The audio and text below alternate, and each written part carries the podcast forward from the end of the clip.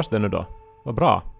Jag var lite orolig att det skulle vara så mycket ljud av havet här, att det, att det skulle störa. Och det kan hända att det hörs bakgrundsljud och grejer här nu. Men jag har gjort mitt bästa för att ljudisolera eh, det här rummet och eh, stänga havet ute. Men det är inte lätt när man bor alltså två meter från en väldigt liksom vågig marina.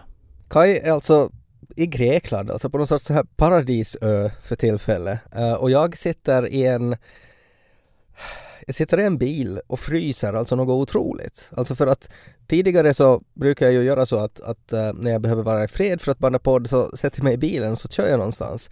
Men nu insåg jag inte att det är ju kallt.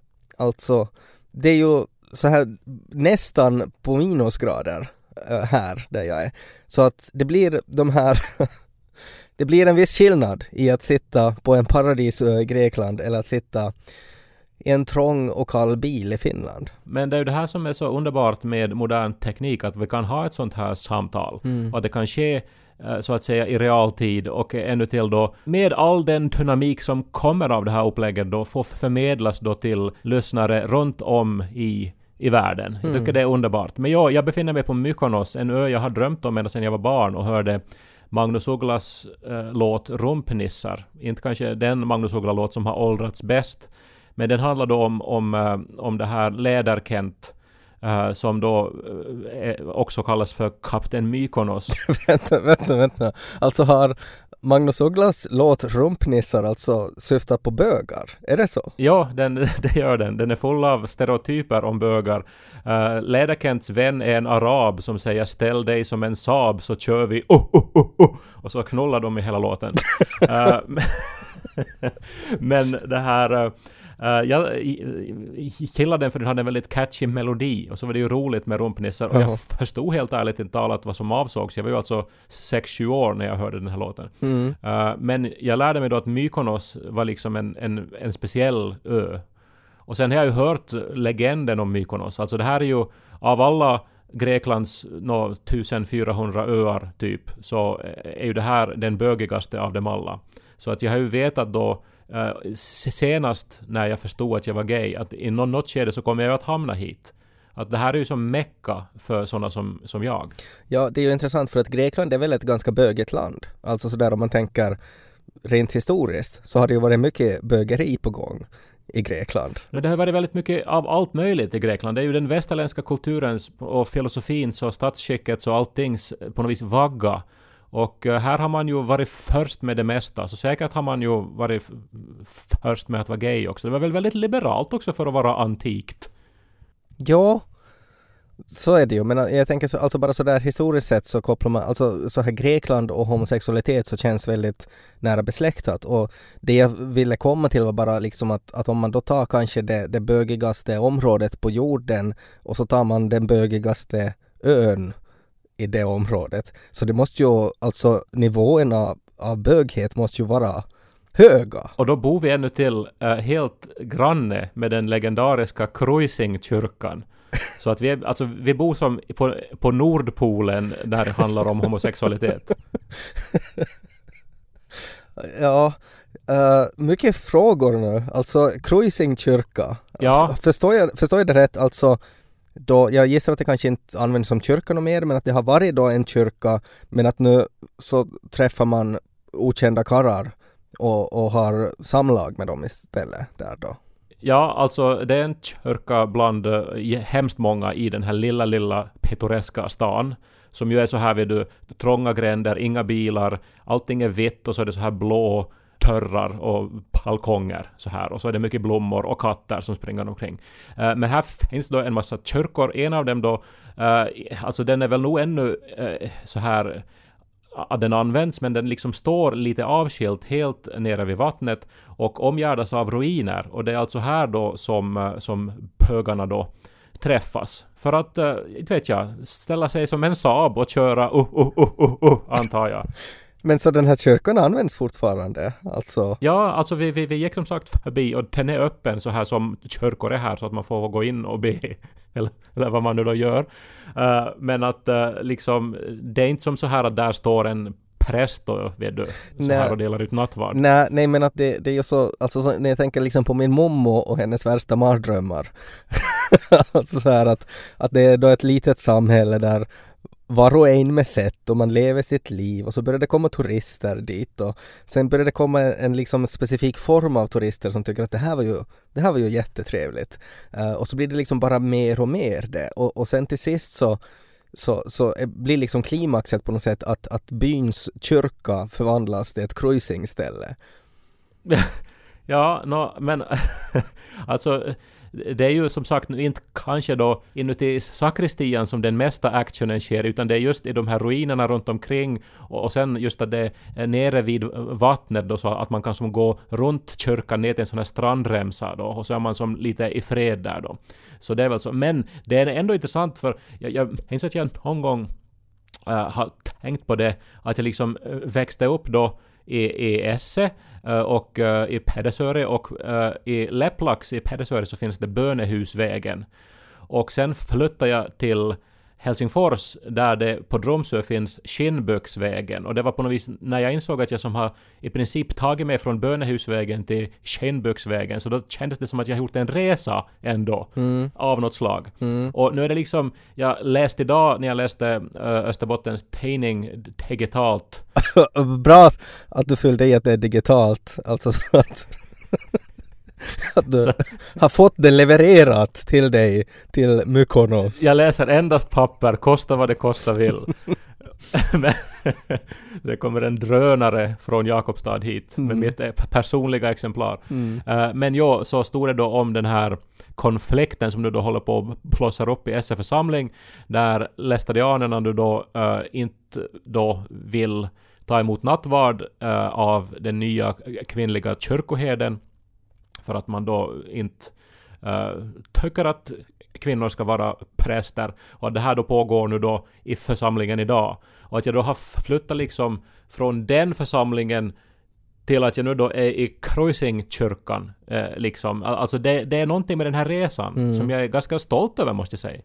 Ja, menar att jag har, jag har rört mig över hela spektrumet så här. Jag har sett vad som finns på spelplanen.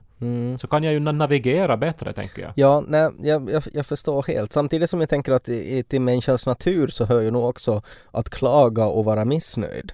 Så att inte tror jag ju att liksom att alla i cruisingkyrkan också är jätteglada. Men det är ju säkert andra saker som diskuteras där. Alltså kanske en nattvard inte var tillräckligt bögig. Jag, jag insåg också när jag sa det här att det är ju faktiskt så att i Kruisingkyrkan här i Mykonos accepterar de inte heller kvinnliga präster. bussar purmu Som talas dit så popna popcorn. Så börjar vi popnu denna popcorn. Så börjar vi lys på Ted och Kai Det är så länge sedan man har turistat så här, eller som vi har varit på semester till tillsammans, jag och Niko. Och man har ju längtat efter det så mycket, så man orkar ju inte ens störa sig på såna här helt otroligt idiotiska saker som att folk ju röker inomhus här på barerna och, och att eh, man nästan ingenstans kan betala med pankkort än idag. Helt ofattbart och säkert roten till många av Greklands ekonomiska problem också, om jag nu får göra en spontan analys. Eh, Men man, man stör sig alltså inte på, på någonting av det här för att det är så underbart bara att få liksom se någonting annat än Helsingfors och att få liksom vara i solen och eh, uppleva då det här som vi ändå har drömt om nu då när vi har suttit instängda i en evighetslång lockdown. Jag har ju följt med på, eh, på dina stories och ni har ju bland annat alltså bubbelpool på terrassen. Ja, det har vi. Eh, Visst såg det skönt ut? Tyckte du inte? Ja, alltså det såg ju dekadent ut. Alltså nu snart går ju solen ner igen så jag hoppas att vi får den här eh, podden inspelad och uh, hoppaketerad så att jag hinner, hinner joina Nico där på andra våningen där han nu just håller på och förbereder poolen, tror jag. Men dekadent, hur menar du? Det såg väl skönt ut? Ja, det såg jätteskönt ut men det såg det såg overkill, alltså att ha ni, ni hade någon så här ostbricka och vin, en perfekt vykorts solnedgång, uh, eh, bubbelpool på terrassen uh, och så gick du liksom våningen upp och sådär. Det var väldigt det, det var som en reklamvideo för Grekland. Ja, nej men det är ju ett jättefint ställe nu men du bara lät lite som att det var någonting suspekt att liksom njuta av solnedgången från en bubbelpool. Nej, det, väl, det var- det väl nu- något som jättemånga säkert skulle vilja göra. Nej, det här var helt traditionell finsk missunnsamhet som du nu tolkar som någon sorts suspekt. Det var inte suspekt, jag är bara avundsjuk. Ja, så har vi en sån här grekisk äh, ångbastu också här. Det är som ett personligt spa här strax in vid Vad är skillnaden mellan ett grekiskt ångbastu och, och vanlig bastu? Alltså det är en ångpastu. Alltså det är inte en, ett aggregat som man häller Nej, nej. vatten på. Nej, utan, men du utan sa- det du sa- sprutar ånga ur olika öppningar i golvet. Ja, jag förstår det, men du sa grekisk ångbastu, så jag tänkte att om det var på något sätt mer ouzo eller fetaost eller någonting som gjorde att det blev liksom mer grekiskt. Nej, men det heter väl romersk-grekisk pastu när det är ångpastu. De har ju dem ofta i simhallarna också så har de ju en finsk bastu och sen har de en romersk-grekisk eller grekisk eller whatever vad det nu heter. En ångbastu, men en sån har vi. Ja, Men det som jag skulle komma till innan du nu blev så här missunnsam och jantelagsförespråkande och eh, lite nedsättande i din ton, tyckte jag. Det får lyssnarna avgöra. Eh, Så var det här att det var ändå en sak som vi faktiskt störde oss på. Att även om vi har varit så här jättelyckliga nu då över att vi är på semester och att vi får vara här eh, och då sett mellan fingrarna på det mesta så var det ändå en sak. Det var när vi anlände på söndag kväll och det var helt strax före solnedgången som vi kom till stan och då beslöt vi oss för att genast gå då eh, till den här eh, stora sevärdheten som är en uppsättning väderkvarnar som står på en kulle och blickar ut över havet. Och eh, de är kanske inte så spektakulära i sig, men utsikten över havet därifrån är jättefin och man då eh, enligt allt vad vi har hört och lärt oss så ska man då få en jättefin solnedgångsvy eh, härifrån. Så att eftersom vi just hade anlänt och solen skulle gå ner så for vi dit. Och uh, där var kanske då, vad ska jag säga, 20 människor kanske som stod där redo då med kameror och uh, tog bilder och uh, väntade då på, på, på, på, på solnedgången. Och uh, den var jättevacker. Det var helt så här, alltså vet du när solnedgångar är som bäst? Och det var ju en sån här vid vy över Egeiska havet. Så att uh, det var liksom en, en helt liksom fin upplevelse.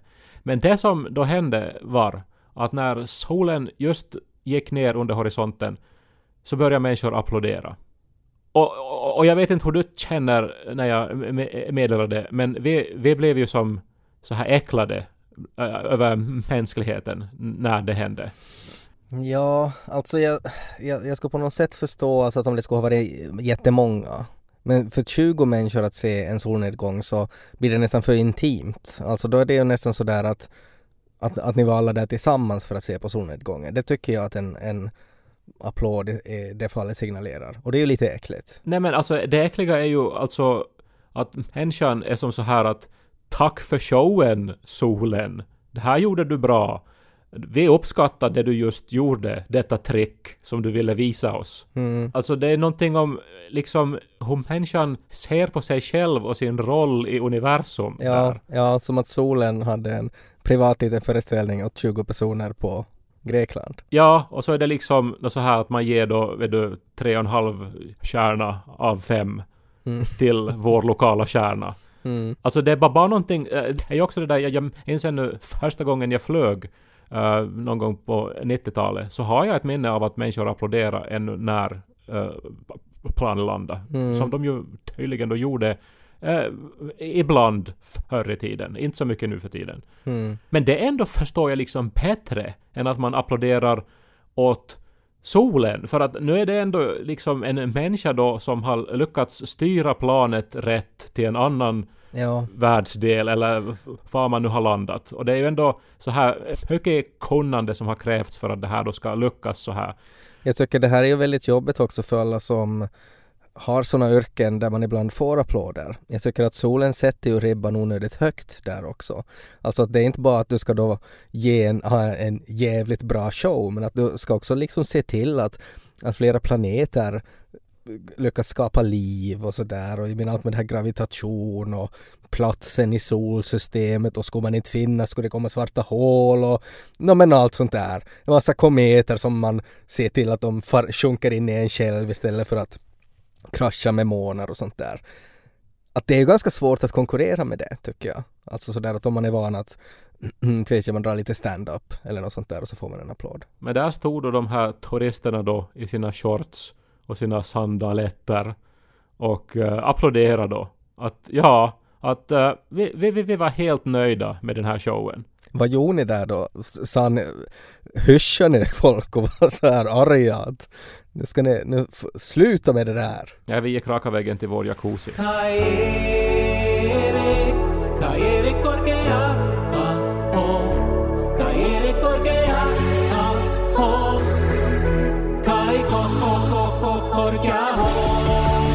Ännu om solen så börjar jag tänka att, att vad det skulle ha varit jobbigt om, eh, om solen skulle vilja ha mera applåder. Alltså att då när solen har gått ner då och folk applåderar så skulle den här börja, att det ska börja bli morgon igen. Alltså för att det var som en encore. skulle göra en encore. Ja, Ja. att mera applåder. Så blir det en ny dag och tupparna börjar gala och, och det är liksom en stor grej. Och så måste man liksom, så blir det solnedgång igen och så måste man applådera en gång till. sol. Den här enorma liksom kärnreaktorn, eller vad man nu ska kalla den till, livets bringare och eh, ja, så, som är också en narcissist som är nöjd av de här 20 tyskarna som står på en kulle i Mykonos och, och applåderar. Och sen är det en massa sådana här recensioner att Ja, det kändes ju nog lite gammaldags hela föreställningen om man tänker hur länge det tar för ljuset att nå oss. Patrik Back recenserar i Vasabladet. Ja, inte var det ju lika bra som Botnia Paradise inte. Men på tal om applåder och recensioner så eh, jag var på cirkus eh, för första gången, alltså sen jag var kanske sju. Alltså, jag har inte varit på cirkus på, på 30 år ungefär. Det slog mig också att när det pratas så mycket om just kultur och underhållning och sådär, att om man hela tiden ska på något sätt, man ska eh, hitta på nya saker, man ska dra saker, visa från flera nivåer och sådär. Alltså cirkusen är ju nog Alltså det, det är ju samma som det har varit alltså i många hundra år. Alltså det har ju inte varit några så revolutioner i, i vad som finns på en cirkus. Ja men är det så för att jag skulle just fråga det där för att är det inte just cirkusen som har drabbats väldigt mycket av exempelvis det här den ökade medvetenheten om djurs rättigheter? Ja, det är väl inte så mycket liksom elefanter och tigrar längre Nej. på cirkusar i Finland. Nej, Utan det är väl då kanske typ en, en tam eh, liksom gris eller någonting på, på, på sin höjd som, gör, som står på bakbenen. ja, nej men och det, och det är ju en bra sak. Alltså i den här cirkusen så var det då eh, en, en häst eh, och sen var det några katter och några hundar. Så att det har ju nog ändrat. Men nu är det ju pengarna tillbaks man vill ha då om man nu om man får en häst. Det låter ju nog inte... Nej. Inte. Nej, alltså jag, jag kan helt hålla med om att hästen så, så, så det, det var inte liksom så stor performance. Alltså det var en, en, eh, en, en kvinna som dansade, hon hade maracas och, och dansade sådär spanskt och så kom en arg gubbe som såg ut som en han utstrålade liksom slöjdlärare, både hur han såg ut och hans ansiktsdrag. Och han red på en häst långsamt runt den där kvinnan. Uh, och det var då liksom en show. Det var liksom, ribban var inte liksom jättehögt på alla de här showerna. Uh, men sen var det alltså, det, det som ju är intressant tycker, eh, för mig med cirkusen så är ju clownerna. Alltså att det är ju, jag har ju ett väldigt komplicerat förhållande till clowner. Alltså, jag har varit rädd för clowner när jag var väldigt liten. Eh, jag har också varit clown själv, alltså i olika sammanhang. Och jag är fascinerad av det. Alltså det, det är på något sätt väldigt Ja, det, det är ju väldigt eh, så här om, om man tänker för att, att få människor att skratta så det blir ju inte liksom mer instinktivt än vad en clown gör. Uh, och det här var då en, en clown-trio som inledde alltihopa och uh, de eh, inledde med att ha en sorts jaktscen. Alltså ena clownen var en hare, andra clownen var en varg och sen var den tredje clownen var en jägare. Alltså komplett med stort gevär. Som redan det var lite sådär att okej, alltså att här är ju nog eh, Alltså målgruppen är ju ändå liksom barnfamiljer för en cirkus. Att, att, att just att överlag att använda liksom ett gevär som symbol för någonting är ju sådär att det är ganska länge sedan som sånt togs bort ur tecknade filmer. Men eh, för cirkusclowner så var det fortfarande liksom, uh, ja, där, där kan det användas. Och så drog de upp en pappa ur publiken som skulle vara med då i det här. Och han skulle vara den här jägaren. Uh, och han skulle liksom stå då med det här geväret. Och så när, när han liksom viftade det geväret så då kom det ljudet då av ett gevärsskott. Alltså att han sköt då i misstag den där pappan. Och så dog ena clownen. Ja. Alltså att han föll i... Han, var, det roligt? Ja, alltså... Alltså, skrattar folk här nu Ja, då, folk, när folk, folk skrattade lite sådär nervöst och applåderade. Eh, och sen blev de där andra två clownerna blev ju helt till sig och helt sådär att hur kan du, hur kan du skjuta honom och få liksom dit och vifta åt den här pappan då som hade dragits fram dit. Och, och då sköt pappan en till clown. Vad är det här för Och psykopatcirkus? så ledde det då till att, att den här pappan till sist också sköt en tredje clown. Och så låg de där länge och, och så spelas det sån där liksom hemsk klassisk musik. Vet du den där, uh, vänta nu, hur låter den? Jag kan inte ens, jag kan inte ens härma. Den där musiken som användes i trailers hela tiden när man skulle visa att någonting var riktigt dramatiskt.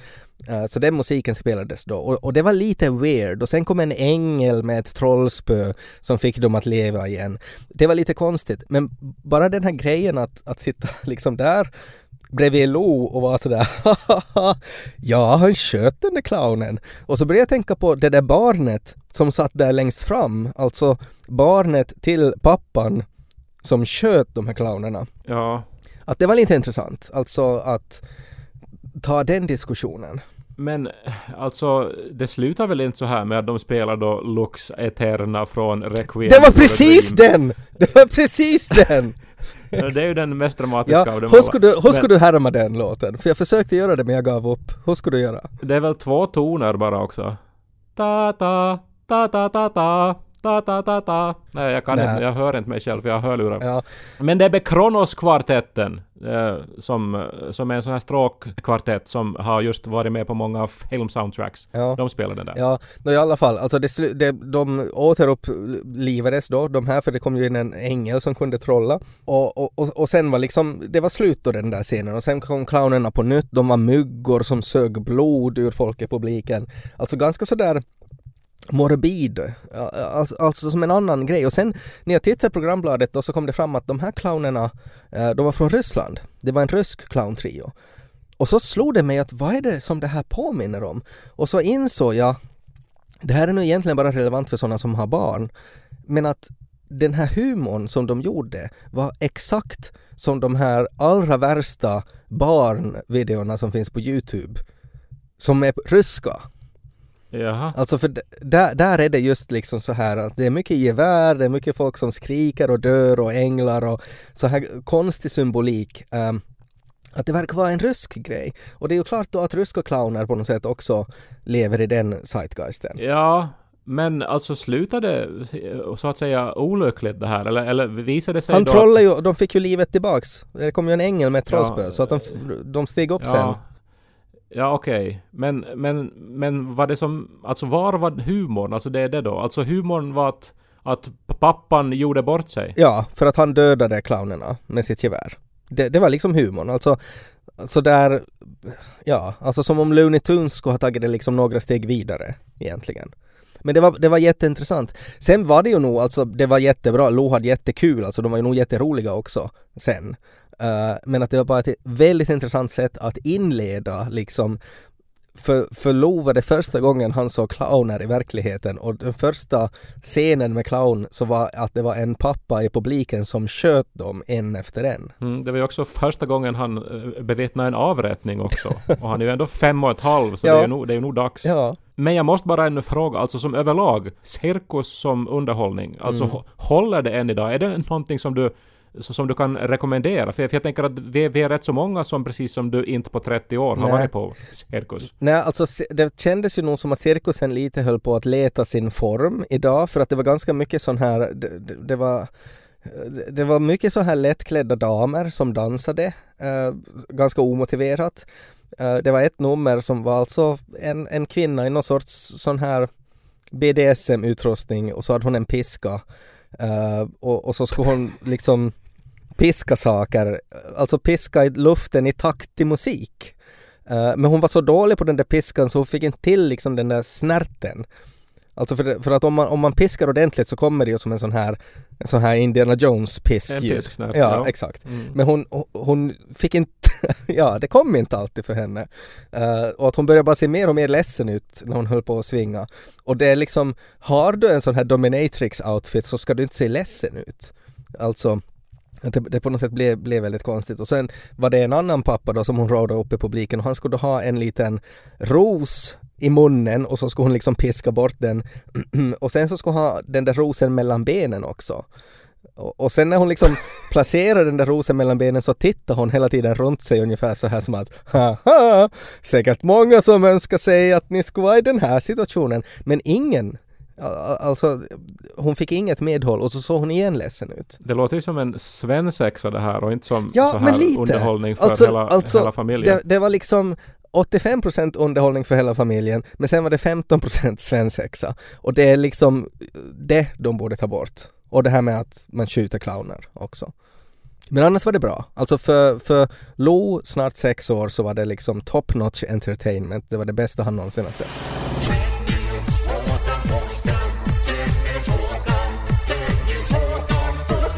Innan vi kom hit till Mykonos så var vi i Aten och eh, då gick vi ju förstås till Akropolis Ja. som ju är den här stora klippan i mitten av, av stan. Där det finns en massa ruiner, bland annat Parthenon och eh, olika uh, no, alltså rester av tempel är det ju nog. Jag visste inte, alltså Akropolis bombades väl också under andra världskriget? Alltså det är så sjukt för, för att eh, alltså det har funnits olika sorts eh, tempel och så på klippan liksom eh, redan då under antiken. Eh, Men det har då förstörts i ett antal omgångar då, dels då under krig då perserna invaderade Grekland eller Aten eller vad det nu hette och förstörde då stora delar då av, av, av det då som fanns på Akropolis. Eh, och, och så det här byggde de upp det igen och sen så igen var det någon som anföll och sen eh, alltså någon gång på 1800-talet så hade de förvarat krut i eh, Parthenon. Alltså de hade liksom de hade förvarat alltså, alltså hela landets krutförråd fanns då i Parthenon, den här skatten av liksom skulpturkonst. Mm. Och sen så var det någon som råkade skjuta en kanonkula dit. Så att hela krut... krutlagret exploderade. Det där är ju alltså att om man skulle förklara det där åt ett försäkringsbolag, de skulle ju aldrig Det låter ju som någonting som Pippi Långstrump har hittat på.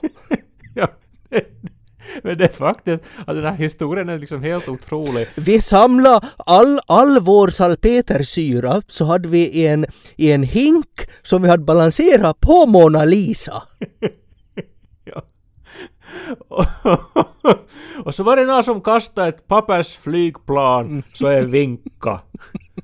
Men det här, sen ännu till då eh, så, så det här så kom det en brittisk uh, sån här lord och liksom tog största delen av alla skulpturer som var kvar och förde dem till The British Museum där de är än idag. Ja, Och vi gick då eh, på den här uh, Akropolis eh, museet där det då liksom fanns uh, i detalj då eh, och för, förstås som historien men också liksom re, reproduktioner då av hur man då utgående från teckningar från uh, gammal tid då menar att det såg ut. Och att eh, som just alla de här sk- skulpturerna som fattades var som där då eh, re, rekonstruerade och så här. Men så på, på kanske liksom 30 ställen i museet så nämndes då den här Lord Elgin, eller vad han nu hette då. Eh, och eh, alltså då med en sån här underliggande ton av fittighet då. Som att, att sen kom ju britterna då ännu till och tog det som var kvar. Efter all förstörelse och krutexplosioner. Och, och det är bara som så märkligt att britterna nu då inte har liksom fattat kaloppen så att säga och lämnat tillbaks de här skulpturerna och statyerna. det är jättekonstigt. Och, och att det ju liksom på riktigt är ju alltså att någon har farit till ett annat land, tagit bitar från deras historia och på något sätt tjäna pengar på det i sitt eget land. Och det här är väl kolonialism i liksom ett nötskal i och för sig. Ja, så är det.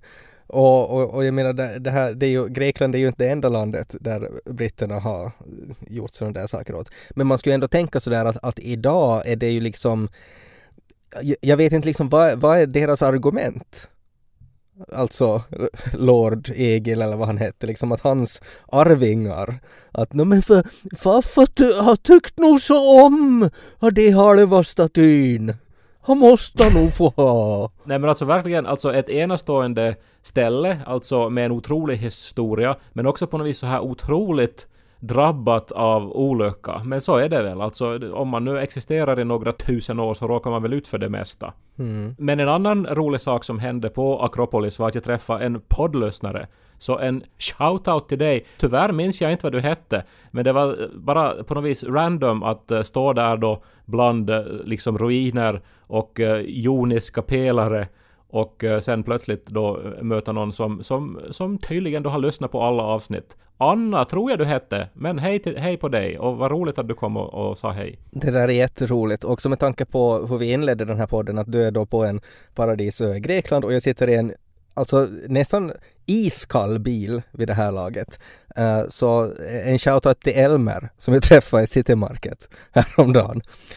alltså det är bara lite roligt. Du träffar poddlyssnare på Akropolis, jag träffar dem vid City Market. Men det där är väl skillnaden mellan att ha barn och att inte ha barn. Alltså, du är i en iskall bil uppe hos Market och jag, och jag ska strax hoppa ner i jacuzzin här nu och se på solnedgången. Ja. Ännu en gång. På tal om eh, fin historia som ju Grekland har, så någonting annat som har en fin historia så är ju Tedokai-podden. Eh, och jag vill bara påminna fortfarande om vår jubileumstelefon som vi öppnade i förra avsnittet, som ju har gå- gått het kan vi väl säga. alltså vi, vi bad ju människor att skicka hälsningar, eh, text får ni hemskt gärna skriva men ni får också skicka röstmeddelanden så kan vi spela upp det i vår podd nummer 300 som vi har här om några veckor. Um, och numret till vår jubileumstelefon, alltså vårt WhatsApp-nummer är 044 421 0989. Uh, och ni får fortsätta skicka in fina hälsningar där. Det har kommit en hel del uh, och uh, vi, vi, vi försöker läsa upp dem och, och, spela upp dem som vi kan sen i avsnitt 300 som vi har 311, alltså den 3 november. Om två veckor alltså. Ja. Fantastiskt. Hör gärna av er som sagt. Man får också applådera. Jag menar inte att jag skulle vara... Alltså jag lät ju väldigt kritisk nu då till människor för att nu är det ju förstås så att om man upplever någonting starkt, hur ska man uttrycka det? Man är ju bara människa. Alltså man, man liksom upplever någonting otroligt, alltså himlakroppars rörelser och, och Men vet du vad? Alltså just, just det där, alltså troligtvis var det ju sådär som applåden uppfanns. Alltså att när, när två apor såg någonting helt otroligt vackert så var deras enda reaktion att banka saker mot varandra. För det var liksom enda uttryckssättet. Och det är ju ändå ett uttryck för, alltså, alltså att man, man som vill, vill visa att man har berörts. Så att mm. uh, om, om inte annat, skicka in en applåd till vår jubileumstelefon. Den, den är nu inte jätteroligt att lyssna på för de andra lyssnarna kanske sen. Men, men, men alltså er ärliga reaktion, är det en applåd, skicka in den. Är, är ni arga, skicka in en rant. Uh, har ni annat som ni vill uttrycka, så gör ert bästa. Uh, hur säger man vi ses nästa vecka på grekiska? No, svara Ja, vad är det? Auf Wiedersehen. Jag vet inte.